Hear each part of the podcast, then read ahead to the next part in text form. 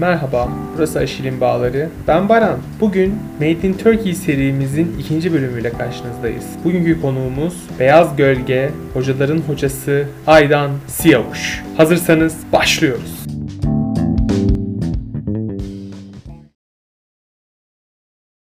E, yalnız bizim değil, herkesin birden zaferidir. E, ayrıca e, bizim şu anda kurmuş olduğumuz çok güzel bir düzen var. Federasyonumuz, teknik koordinatörümüz Yalçın Granit, menajerimiz Doğan Akyemen ve biz teknik adamlar, ben ve yardımcılarım. E, ve bu maça bizi desteklemek için gelen basketbol e, adamları, eski basketbolcular, basketbol adamları hepimiz çok iyi bir grup kurduk ve hepsinden önemlisi maçı zaten kazanan ve son dakikalara kadar hiç oyunu bırakmayan fevkalade bir takımımız var. Bence bu galibiyetler devam edecek. Avrupa Şampiyonası'nda Türkiye'yi en şekilde temsil edeceğiz. Ben buna inanıyorum.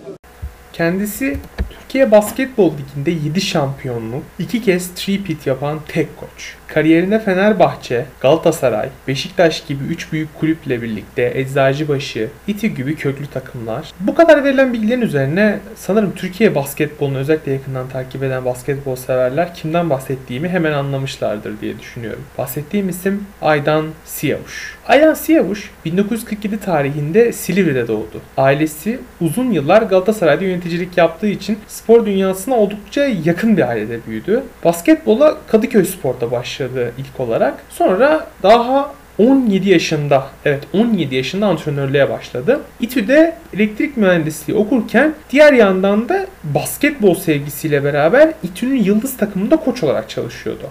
3. sınıfa geldiğinde basketbol sevgisi biraz daha ağır bastı ve okulu bırakarak tümüyle basketbola yöneldi. Artık tüm enerjisiyle hayallerinin peşinde koşacaktı. İlk durak Beşiktaş oldu. 1970-71 sezonunda Beşiktaş'ın başına geçti genç koç ve basketbol iklimine aslında tümüyle farklı gelecek görüşlerle kariyerine başlangıç yaptı. Amerikan basketbol dünyasını çok yakından takip ediyordu ve e, Türk basketbolunun da bir yandan gelişmesini istiyordu. Oradaki çalışma düzenini, işte yenilikleri takip ediyordu ve Türkiye uyarlanması için de yoğun bir çaba gösteriyordu. Hatta o sıralarda Türkiye'de hobi olarak görülüyordu basketbol fakat buna rağmen e, bu sporun 5 gün antrenman yapılmasını gerektiren bir spor olduğunu söylüyordu. Fakat bu sözleri pek uygulamaya geçemiyordu ne yazık ki. 71-72 sezonunda Kadıköy Spor'a geçiyor Siyavuş ve takımı birinci lige çıkartıyor. 75 yılında da işte efsane olacağı kulübe yani Eczacıbaşı'nın başına geçiyor.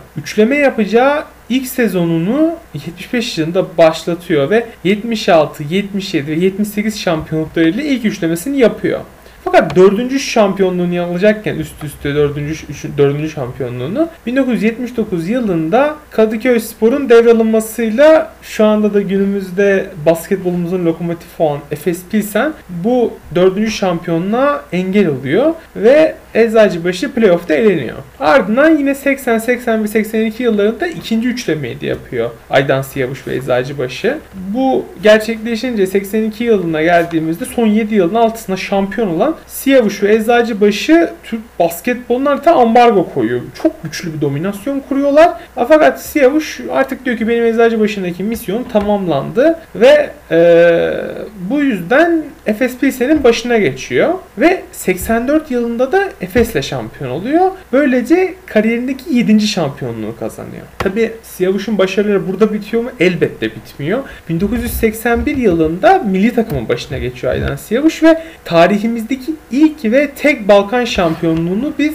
Aydan Siyavuş'un yönettiği milli takımımızla alıyoruz ve kimi yeniyoruz? Yugoslavya'yı yenerek bu başarıyı kazanıyoruz. Tabi bu başarı o yıla kadar basketbolumuzun kazandığı en büyük başarı olarak tarihe geçiyor. Ee, bir yandan işte milli takım bu başarıları kazanıyor. İşte Yugoslavya yeniyor, Balkan şampiyonlukları vesaire geliyor. Bir yandan da o sıralarda Türk televizyonlarında bir dizi yayınlanıyor. İsmi Beyaz Gölge diye. Bu Beyaz Gölge dizisi aslında Türk basketbolunda ilginç bir şekilde çok önemli bir rol oynuyor. Çünkü belki de birçok basketbolcu Beyaz Gölge dizisini yani şu anda oynayan birçok basketbolcu Beyaz Gölge dizisinden etkilenmiş hallerden ya da bir şekilde o diziyle bağlantılı bir şekilde basketbola başlıyorlar. Ee, o yüzden Beyaz Gölge dizisinin Türk basketboluna olan e, katkısı yatsınamaz düzeyde. Tabi bu sırada basketbol Türkiye'de çok ciddi bir ilgi oluyor ve e, hatta Aydan Siyavuş'a Türkiye'nin e, beyaz gölgesi denmeye başlıyor. Öyle ki birçok yere işte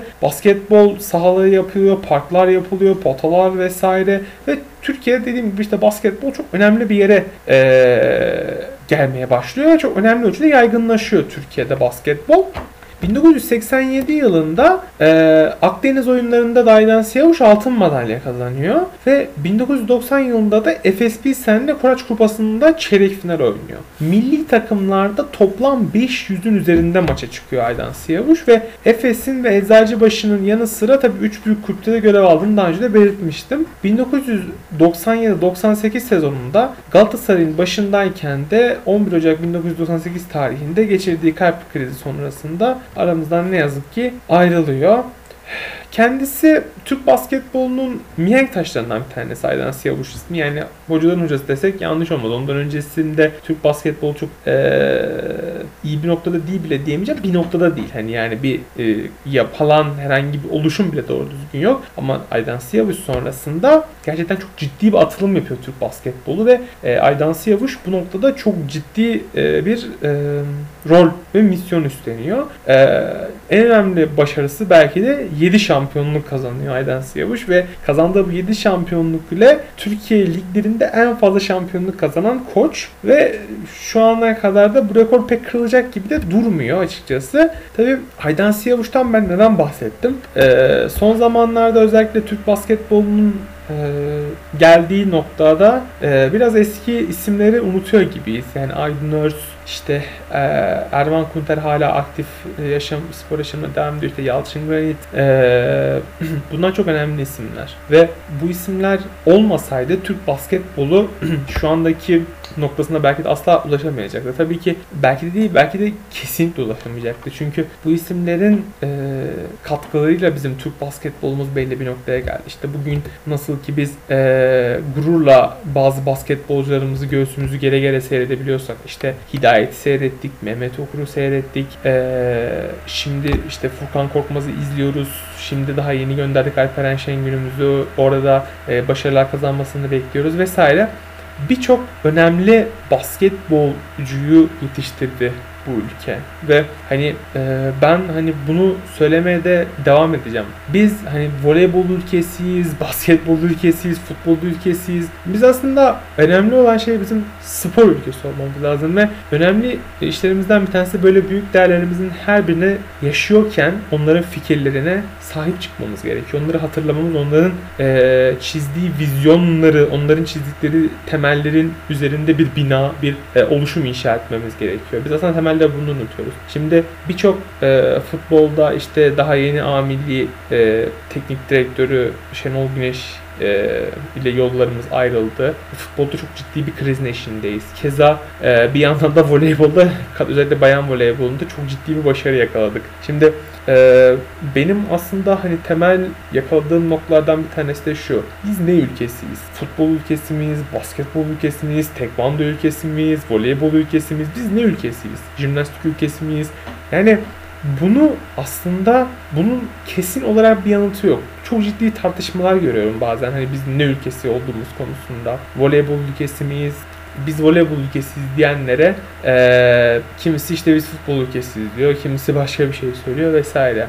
Ama işte Aydan Siyavuş gibi isimler, bu isimler aslında büyük spor insanları. Tabii ki bu isimler basketbol, Türk basketbolunda öncü devrim niteliğinde işler başarmış isimler. Öncü isimler. Yani bunları tartışmaya gerek yok. Ama bu isimleri çizdikleri vizyonlara biz ne kadar sahip çıkabiliyoruz? Bu tam anlamıyla bir soru işareti.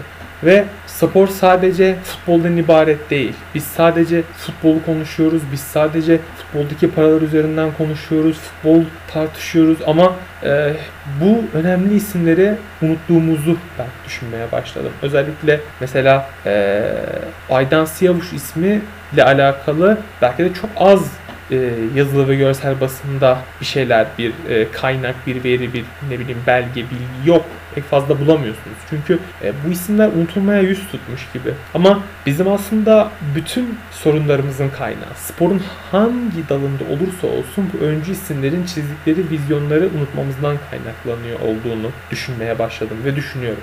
Bu nedenle e, Aydan Siyavuş'u ve e, onun kim olduğunu hatırlatacak bir podcast bölümüyle karşınıza çıkmak istedim.